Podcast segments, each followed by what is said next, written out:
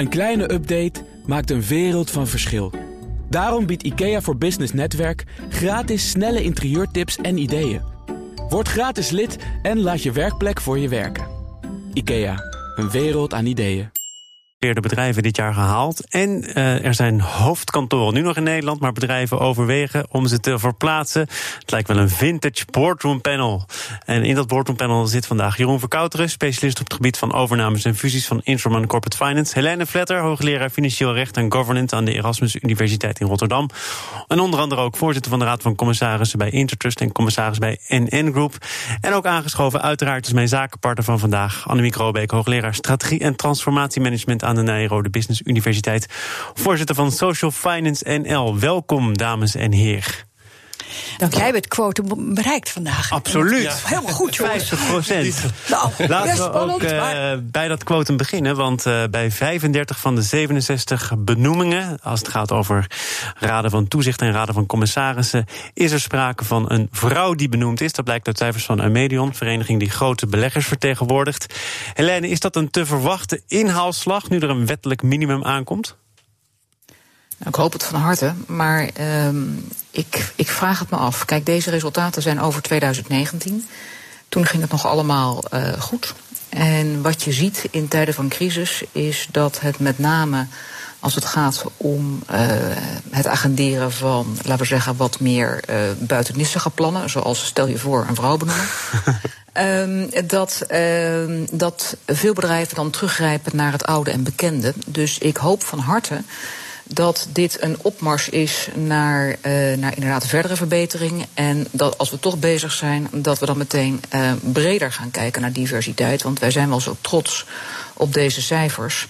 Maar um, het kan natuurlijk nog veel beter. En ik denk dat wil uh, de aansturing van een bedrijf werkelijk een reflectie zijn van de maatschappij. En daar begon het al met al om dan zijn er nog veel meer aspecten van diversiteit waar we aan moeten denken. Hm. Ben jij trouwens trots op die cijfers, nu je dat zo zegt? Nou, ik ben in zoverre, uh, ik ben er blij mee. Ik ben er eigenlijk niet trots op. We zijn al sinds 2008 zijn we hiermee bezig, als ik het goed heb. En uh, dus twaalf jaar na dato um, zijn we er een soort van bijna. Ja. Ik denk ook dat je daar helemaal gelijk in hebt. Het is een soort slakkengang. En uh, er zijn toch wel uh, zweepjes nodig geweest om uh, het iets te bespoedigen.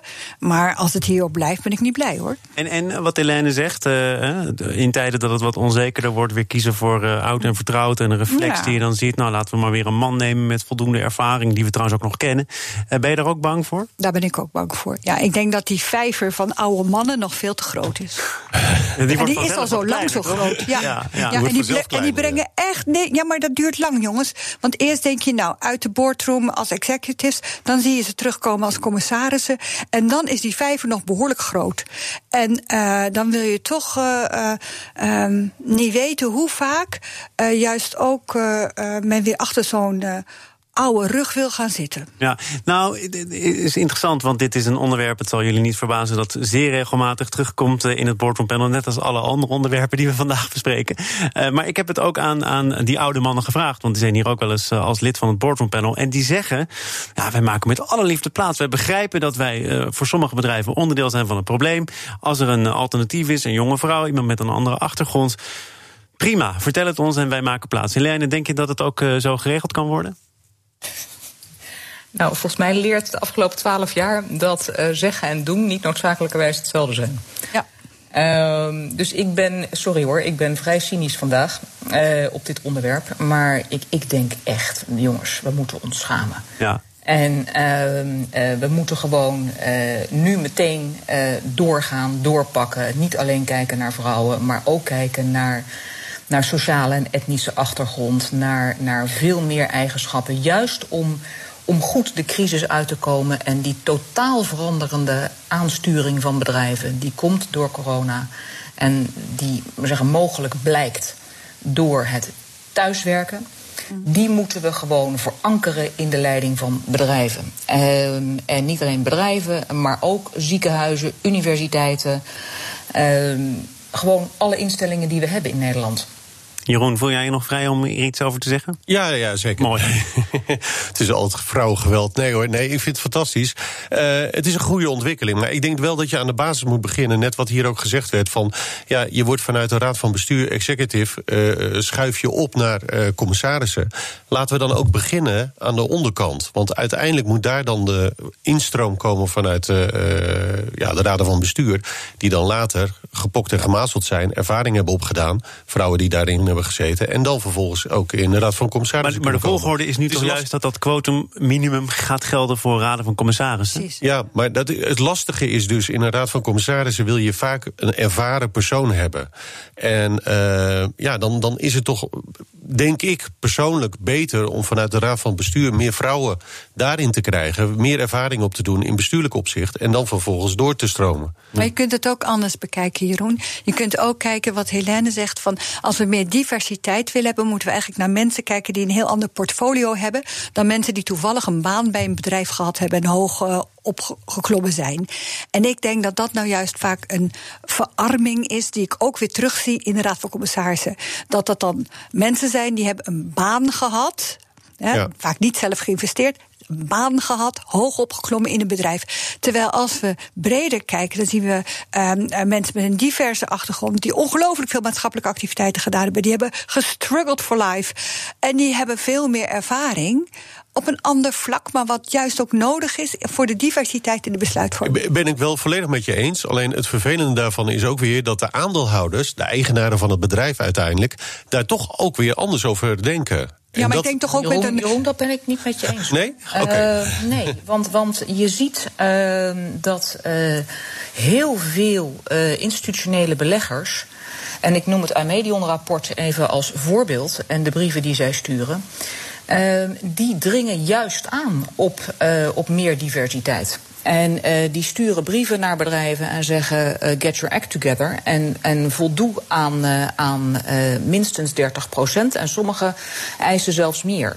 Dus ik denk niet dat aandeelhouders een soort van schrikken als je plotseling 30% uh, vrouwen in, in de boord hebt. Maar daar, daar heb ik het niet helemaal over. Ik heb het over diversiteit in andere opzichten, maatschappelijke opzichten, et cetera. En ik denk dat daar aandeelhouders toch wel wat anders naar kijken. Maar waarom? Want het, wat Helene zegt, is natuurlijk wel zo dat het juist Amedion is van de grote ja. beleggers die nu hierop aandringt middels een brief die deze cijfers naar buiten brengt. Dus Klopt. waarom zou uh, diversiteit op andere vlakken dan voor Amedion in één keer een totaal ander dossier zijn? Nou, het is niet een totaal ander dossier. Het is meer dat zij zeggen van. Uh, als een, als een, uiteindelijk zoek je iemand op die functie die gekwalificeerd is. Man of vrouw. Da daar gaat het feitelijk om. Um, daarnaast wil je natuurlijk diversiteit hebben in je raad van commissarissen. Maar het een, uh, zeg maar, de spanning is een beetje van als je diversiteit hebt op andere vlakken waar ik het overigens volledig mee eens ben hoor. Ma maatschappelijke betrokkenheid, uh, dat soort zaken. Alleen het lastige is, op het moment dat er bijvoorbeeld een crisis komt, als een coronacrisis, et cetera, dan wil je toch iemand hebben die bestuurlijke ervaring heeft, die managementervaring heeft. En uh, ja. Waar, waarom zou het mutually exclusive zijn? Nee, ik zeg ook, dat, dat zeg ik ook niet. Hè. Uh, uh, kijk, het ideaalplaatje is uh, dat je alles hebt in één persoon. Helaas, ja, maar weet je wat we nu wat we zien, hè, is dat ehm, als, als commissarissen benoemd worden op voordracht van bijvoorbeeld mede, medewerkers, dat we dan al veel diversere mensen krijgen. Ja. En ik zou er heel erg voor willen pleiten om toch het idee te exploreren om diversiteitscommissarissen te hebben. ik denk dat dat een heel goed idee is. Sorry, dan, dan kun je dat idee nog even toelichten? Wat is een diversiteitscommissaris? Nou, ik heb het net verzonnen, maar ik zal het even toelichten. Oh, okay. uh, uh, een diversiteitscommissaris is nou juist zeg maar dat je zegt, nou, wij gaan gewoon de komende tien jaar gaan we onze raad van commissarissen uitbreiden, want we zien gewoon dat maatschappelijk het zinvol is dat wij een bredere vertegenwoordiging hebben. En als we voor die grote ondernemingen, maar ook kleinere. We zeggen nou één of twee diversiteitscommissarissen. Dan hebben we de mogelijkheid om ook in de board andere thema's en maar wie zijn dat dan? Wie, wie is zo'n diversiteitscommissaris? Nou, ik denk bijvoorbeeld Astrid Elburg. Oh, meteen, ja. meteen namen ja, erbij. Ik noem maar meteen een naam. Oh, ja, prima, dus, zij heeft natuurlijk heel veel ervaring, weliswaar ook in heel veel raden van toezicht. Maar Um, maar zo ken ik nog veel meer mensen. Waarvan ik denk van ja, ze zouden nooit door de voorzitters van uh, de Raad van Commissarissen van de ABN Amro uh, um, bekeken ja, maar heel goed dat je dat zegt. Want ja. Annemiek, we moeten daar toch nog even op terugkomen. Jij bent commissaris geweest bij ABN Amro. ABN Amro is in dat onderzoek uh, ook naar buiten gekomen. Is een van de weinige bedrijven waar dat quotum, dat minimum, nog niet gehaald wordt. Is toch erg? Ondanks neem ik aan jouw niet aflatende inzet. Dus waar ben jij op gestuurd? Uh, nou ja, toen ik er zat uh, tot december ging het toch wel natuurlijk. en ik heb natuurlijk ook de groene vlag, ook uh, de duurzaamheidsvlag en de innovatievlag getrokken. maar het zegt heel veel over de zittende commissarissen. En met name over een voorzitter van de Raad van Commissarissen. Want die heeft ook vaak vanuit de remuneratie heel veel, en de benoemingscommissie, heel veel invloed op een profiel. En een voorzitter, uh, als die een oudere man is, dan kent hij vaak heel weinig uh, jonge vrouwen van formaat. Dus, dus het, het argument, uh, ik ken ze niet, ze zijn exact. er niet, dat is in zijn belevingswereld nog steeds, dan nog steeds ik. Ja, okay. ja, of ja. wordt niet gezien. Ja, maar jij hebt dat toch neem ik aan niet tegenover gezet. Je noemt hier nu ook al namen bijvoorbeeld. Ik denk dat het, het is, en dat zal Helene ook weten, het kan niet meer bestaan dat we zeggen, ze zijn er niet. We hebben zat vrouwen uh, van formaat. Maar weet je wat het eigenlijk is? Dat zie je ook wel eens. Uh, Vaak kunnen vrouwen tegenwoordig, zeker als ze al wel meer gedaan hebben, een zoveel beter cv hebben dan die mannen, dat mannen ook het heel eng vinden. Oh. Echt oh. waar. Helene, vinden, vinden mannen jou eng? Dat moet je aan die mannen vragen. Ja. Okay. Nou ja, Jeroen, maar, zeg het maar. maar. Ik denk wel, misschien, misschien even. Ik bedoel, Intertrust is het enige bedrijf met een vrouwelijke uh, uh, voorzitter van de Raad van Commissarissen en een vrouwelijke CEO beursgenoteerd. Ja. En ik denk, ja, weet je, wat, wat zie je dus gebeuren op het moment dat, dat nou, ik zou bijna zeggen, ik mijn kansen schoon uh, uh, zag. ja. Uh, dan benoem je een vrouw en wat zie je gebeuren? Dat in het leiderschap van het bedrijf plotseling niet alleen meer vrouwen worden benoemd, maar, maar veel meer diverse benoemingen. Dus mensen met, met andere achtergronden, ja. met andere geloofsovertuigingen. Dus je ziet dat, dat er een andere aandacht komt. En ik pleit daar ook voor, want ik denk namelijk dat, dat vrouwen met name daar goed in zijn om de relevante uh, andere sociale en etnische achtergronden en de andere persoonlijkheden, om daar open voor te staan en uh, om die te stimuleren. Ik, ik ben het niet helemaal eens. Ik bedoel, ook de jongere man, laten we dan maar even samenvatten, die, die heeft zeker ook oog voor dat. Uh, ja, ik ben in de race. Ja, nee, je bent zeker in de race, ja. Nee, maar goed, kijk, ik, ik snap wel wat jullie zeggen. Ik heb het ook wel eens gezegd, het oude mannen-etablissement. Ja, dat is er nog steeds. En, maar dat neemt wel af. En uh, ja... Langzaam. Ja, langzaam, maar goed, weet je... En ze hebben hun eigen maar, ouders, ja, maar, ja, we doen hier trouwens is... wel net alsof oude mannen helemaal niks kunnen. Dat is toch niet helemaal nee, waar? Dat klopt. Nee, nee, nee, maar soms kunnen ze wel veel minder dan krachtige vrouwen. nou ja, maar ik, ik denk, ik geloof echt oprecht in een, in een divers samengestelde... Ik uh, ook. Niet alleen raad van commissarissen, maar ook bestuur en gewoon leiderschap. En dat betekent dus ook dat er plaats is voor de oudere blanke mannen. Want die brengen namelijk de ervaring en misschien de distantie... die wellicht veel jongere mensen niet hebben. Dus ik pleit juist ervoor om hen ook in ere te houden... maar alleen om de deur wat wijder open te zetten... Mm -hmm voor andere mensen. Het gaat in ieder geval de goede kant op. Ik zet uh, de deur open voor het uh, volgende onderwerp. Zaken doen. Ja. en dat onderwerp bespreek ik met het boardroom panel bestaande uit Jeroen Verkouteren, Helene Vletter en Annemieke Robeek. En uh, ja, dat volgende onderwerp is een vaker besproken thema hier in dit panel. Namelijk de accountants. De AFM heeft bekendgemaakt dat de grotere accountants, met name de Big Four, op de goede weg zijn met het verbeteren van hun controles, het veranderen van de cultuur van hun gedrag. Althans, ik moet dat meteen nuanceren, de randvoorwaarden om een kwaliteitsverbetering door te maken, die zijn verbeterd. Ja, kun je dit even ontleden, Jeroen? Ja, nou, precies wat je zegt. De kwaliteit van het onderzoek, daar, uh, van de controles, daar is nog niet naar gekeken. Alleen wat uh, het onderzoek zegt, is van luister, uh, de, de culturen van de accountsorganisaties zijn meer geënt op hoe dat nu zou moeten worden aangepakt. Maar dat zegt ook nog niet zoveel. Ja, ik bedoel. Moeten we het er niet zo lang over hebben, begrijp ik? Nou ja, weet je, ik, ik, vind, ik vind het uh, prachtig dat het uh, zo uh, wordt gezegd. Maar uiteindelijk, als je gewoon feitelijk gaat kijken wat er onderzocht is, is het, zijn het hele vage begrippen. Maar als de, als, de, als de randvoorwaarden verbeterd zijn, ja. als het gedrag verbeterd is, maar dan gaat, ligt het toch voor de hand. Ik ga het niet nu alvast invullen dat dat effect heeft op de kwaliteit van de controles. Maar dat is niet onderzocht. Dus ja, we, we, we nemen het aan. Het is een, gewoon een aanname. En, en op zich, als er randvoorwaarden veranderen of verbeteren, kan je aannemen dat ook de rest verbetert. Maar ja. we weten het niet. Ik ga even naar iemand die in een cynische bui is vandaag. Tenminste, dat heb je zelf gezegd. Wat vind jij van dit onderzoek? Nou ja, ik, ik, zal, ik zal rol vast blijven. um, uh, als je kijkt naar het rapport van de monitoringcommissie Accountancy van januari. Ja. Uh, dat is de laatste, het laatste rapport wat is verschenen, voor zover ik weet. Dat gaat over de kwaliteit van de controle die de accountants hebben gedaan. En dat is zachts gezegd vernietigend ten aanzien van die kwaliteit. En uh, komt met een, met een heel scala aan maatregelen, 30 om maar liefst te zijn. Ja. En um, als je kijkt ook naar, naar een paar soort van side notes in het rapport wat AFM heeft um, gepubliceerd en wat de monitoringcommissie eigenlijk verder heeft uitgewerkt, is dat. Grappig genoeg was het dus, de AFM komt achteraf. Maar um, wat je ziet is dat de werkdruk bij jonge accountants echt gigantisch is gestegen. En dat de monitoringcommissie zegt: dit is echt een probleem. En wat je ook ziet is dat zij zeggen: ja, het beroep van accountant wordt steeds minder aantrekkelijk gevonden. Dus als je dat legt naast het voorstel van Hoekstra uh, om het mogelijk te maken dat een accountant wordt aangewezen om de controle te doen van kleinere beursfondsen voor wie de Big Four, uh, van wie de Big Four we zeggen, terugschrikken om de controle te doen, dan moet je je afvragen of dat positieve stempel nou daadwerkelijk gerechtvaardigd is. Maar voor mij is de onderliggende vraag eigenlijk een andere. En dat is ten behoeve van wie doet de accountant precies controle? Dat is een hele fundamentele vraag, toch? Nou, laat ik hem misschien wat positiever pakken. Ik heb het gevoel dat die accountants best wel geluisterd hebben. En Helene gaf het net al aan. De AFM kijkt altijd jaren terug. Ze zijn heel traag. Hè? Uh, en als ze dan terugkijken, dan geven ze altijd een behoorlijke pet. Um, en wat ik denk, dat we nu dus ook uh, nieuwe bezems binnen de AFM gekregen hebben.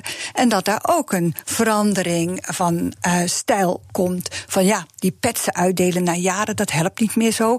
En altijd maar zeggen dat die accountants het niet goed doen. Terwijl inderdaad iedereen zich toch uh, um, in de ronde werkt. Maar wacht eens even, um, want, want Helene heeft ook wel andere dingen gezegd natuurlijk. Hè. De, de, de aanbevelingen die zijn gedaan. Hoekstra heeft een commissie in het leven geroepen. De sector zelf, het wemelt van de aanbevelingen. Ja. Volgens mij heb ik hier twee weken geleden iemand uh, gehad die ze heeft opgeteld. Meer dan 100 aanbevelingen en adviezen. Ja, wat hebben we er dan aan? Ja, maar dat komt toch wel ergens vandaan om dan te zeggen... ja, nieuwe bezems vegen schoner en nee, een andere ik bedoel meer, de AFM probeert toch ook um, weer een rol uh, te krijgen. En niet alleen de rol van de boeman.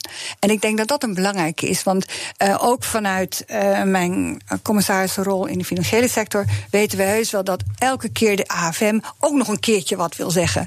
En ik denk dat de AFM in die zin zichzelf ook moet heruitvinden. En zo lees ik dit eigenlijk veel meer. Van oké, okay, een andere verhouding met de verschillende partijen. Uh, wel kritisch blijven, maar wel ook weten waar je dan een meerwaarde heeft. Want de AFM heeft eigenlijk tot nu toe weinig meerwaarde maar, gehad. Maar die, die, die, die, andere benadering, die wordt ook uh, toegelicht door die bestuurder van Beuzenkom heet. Die had een interview in het FD. Die zei: wij waren knorrig. Ja. En dat is misschien ook wel terecht geweest. En omdat er nu verbetering is, kunnen wij misschien ook als het geen doel op zich wat aardiger zijn voor de sector. Dat kan toch? Ja, maar ze waren gewoon niet meer effectief. Mm. En, en de, de andere vraag die Helene uh, opwerpt, namelijk uh, voor wie, ten behoeve van wie ja. of wat, uh, wordt zo'n controle uitgeoefend? Ik denk dat dat een hele relevante vraag is, ja. ja. ja. En wat is, jou, wat is jouw antwoord? Nou ja, uiteindelijk wordt de controle uitgevoerd om uh, de uh, stakeholders en de shareholders inzicht ja. te geven. En uh, daar moet de AFM ook goed naar kijken. En niet alleen naar de institutiedwang die ze zichzelf de afgelopen jaren hebben opgelegd. Helene? Helemaal eens. Ben je nou stil? Sorry. Um, ik dacht dat Jeroen wat ging zeggen. Dus ik nee, je was er heel snel mee eens. Je verwacht het niet, maar hij was het er mee eens. Ik was het gewoon mee eens. ik dacht, nee, maar ik, ik, ik denk, en, en ik bedoel dat niet... Kijk, ik, ik weet en ik, ik zie van dichtbij dat accountantskantoren echt, echt hun best doen. Precies. Ehm, en ehm, het is niet voor niets dat die werkdruk zo ongelooflijk is gestegen. En kijk, ze zitten in het verdomhoekje en het lukt ze maar niet om daaruit te komen. Dus dat de AFM nu zegt, misschien dat een andere aanpak beter gaat werken, daar ben ik heel erg voor. Maar volgens mij moet je je afvragen, een aanpak van wat? En uh, wat je ziet in het Verenigd Koninkrijk, daar is in, in februari is een, uh, een voorstel gedaan om uh, uh, consultancy, dus laten we zeggen advies en controle, ja. te scheiden. En misschien, hè, tot nu toe wil Nederland daar niet aan, maar ik denk dat je in ieder geval die discussie moet voeren. Want ik denk, wil je een eerlijke kans bieden aan de sector, dan moet je het gewoon eens gaan hebben over de werkzaamheden die zij onder één dak verrichten. En, um, en of het eerlijk is dat, dat je ze constant maar afrekent op, op als er een keer iets misgaat. Kijk, als er fraude wordt gepleegd bij een bedrijf, dan helpt daar, geen, ja. dan helpt daar geen, geen, geen tien accountants tegen. Nee. Dus ik denk dat wij ook in, in, in de beeldvorming van accountants zijn wij niet helemaal eerlijk meer, omdat ze het altijd verkeerd doen, namelijk, is dan de heading. En dus ik denk, misschien moet je eens gaan nadenken over wat doet een accountant nou allemaal? En is het niet ook zeg het, in, in het belang van eigen bescherming is het niet eigen belang voor de accountant om er open te staan voor die discussie van nou, wat willen wij nu eigenlijk ten behoeve van wie precies doen? Maar dit voorstel hè, van het, het scheiden van die kerntaken, dat ligt volgens mij al heel lang op tafel. Komt ook in verschillende commissies wel terug. We hebben het ook al gehad vroeger. Ja, nee, maar dat we is, het allemaal dat, gehad. Ik, ik, wou het net zeggen, kijk, in mijn wereld, de corporate finance wereld, was er op een gegeven moment een hele tendens dat de accountantskantoren uh, die de controleplicht hadden, geen corporate finance activiteiten meer deden. Omdat dat gescheiden werd. Ja, dat is een tegengesteld belang feitelijk. Je controleert de onderneming en tegelijkertijd verkoop je hem of koop je aan. Dat hebben ze gescheiden. Uh, jaren geleden al. Maar inmiddels is dat allemaal is weer, blurring, ja, is weer helemaal teruggegaan in de consultancy. Ja, als je het scheidt, moet je het ook echt doen. En dan moet je ook heel duidelijk, ook als accountant zeggen: wij willen dit dus niet meer doen. Maar zou het in het belang van de sector zelf zijn om daartoe over te gaan? Nou ja, kijk, ik denk op het moment dat je die scheiding maakt, dan maak je het ook duidelijk voor alle partijen. Ook voor de accountskantoren zelf. En ik denk dan dat, dat wij als, als buitenstaanders of stakeholders kunnen zeggen: Nou, die accountant doet de controleplicht. Die is niet uh, met advieswerk bezig. Nou, dat is duidelijk. En ik denk ook voor de accountant dat hij dan ook een veel betere beeldvorming heeft naar buiten toe. Ja, en nou toch vind ik wel dat we ook in de grote bedrijven er altijd best wel netjes mee omgaan, weet je. Je weet heel goed Klopt. wie is de accountant. En die doet dan ook niet dat en dat soort andere werkzaamheden. Ik weet, PwC bijvoorbeeld was nooit accountant bij ABN AMRO. Maar die deed wel bijvoorbeeld voor compliance En die maakte een keuze. Maar dat klopt, maar dat is bij ABN AMRO. Maar er zijn zoveel bedrijven die daaronder vallen, zeg maar, ja. midcap, et cetera. Die die uh, scheiding, waarvan de accountant ook zegt van ja... Uh, alleen de controleplicht, dat uh, brengt te weinig op. Dus ik doe ook wat andere activiteiten erbij. Ja, maar als commissaris hebben wij daar altijd, uh, uh, vooral vanuit de auditcommissie, altijd goed naar moeten kijken. Ja. En dan is het vanuit de opdrachtgever, de klant, die zegt: dit, dit willen we niet. Of zegt zo'n accountant zelf ook van. Een misschien echte niet accountant zegt: dit mag ik niet doen. Ik moet dingen doen die ik liever niet wil doen, namelijk u afkondigen. De tijd is voorbij. Dank voor jullie bijdrage aan het panel. Jeroen Verkouteren, specialist op het gebied van overnames en fusies verbonden aan Intraman Corporate Finance. Helene Vletter, hoogleraar financieel recht en governance aan de Erasmus Universiteit. Voorzitter van de Raad van Commissarissen bij Intertrust en NN Group. En mijn zakenpartner van vandaag, die er twee uur bij was, Annemiek Robeek, hoogleraar strategie en transformatiemanagement aan de Nijrode Business Universiteit. Voorzitter van Social Finance NL. Ik moet er ook altijd mijn tijd voor nemen, zoals jullie begrijpen. Met veel plezier. Ja, uh, BNR Zaken doen zit erop voor vandaag. Morgen dan gaat het over het pensioenstelsel. Dat staat voor een grootse verbouwing. Te gast is José Meijer. Zij is waarnemend voorzitter van de Pensioenfederatie. Een topvrouw, zomaar. Morgen in de uitzending van BNR Zaken doen. Het kan. Um, dat morgen, zometeen eerst tijd voor Newsroom. Onze dagelijkse podcast van het FD en BNR. Gepresenteerd door Mark Beekhuis. Veel plezier. Tot morgen. Diana Matroos. In BNR's Big Five praat ik één uur lang met één topgast over één belangrijk thema. Want om het goed te begrijpen moet je echt de diepte in. BNR's Big Five. Elke week één thema. Elke werkdag van 10 tot 11. Een kleine update maakt een wereld van verschil. Daarom biedt IKEA voor Business Netwerk gratis snelle interieurtips en ideeën. Word gratis lid en laat je werkplek voor je werken. IKEA, een wereld aan ideeën.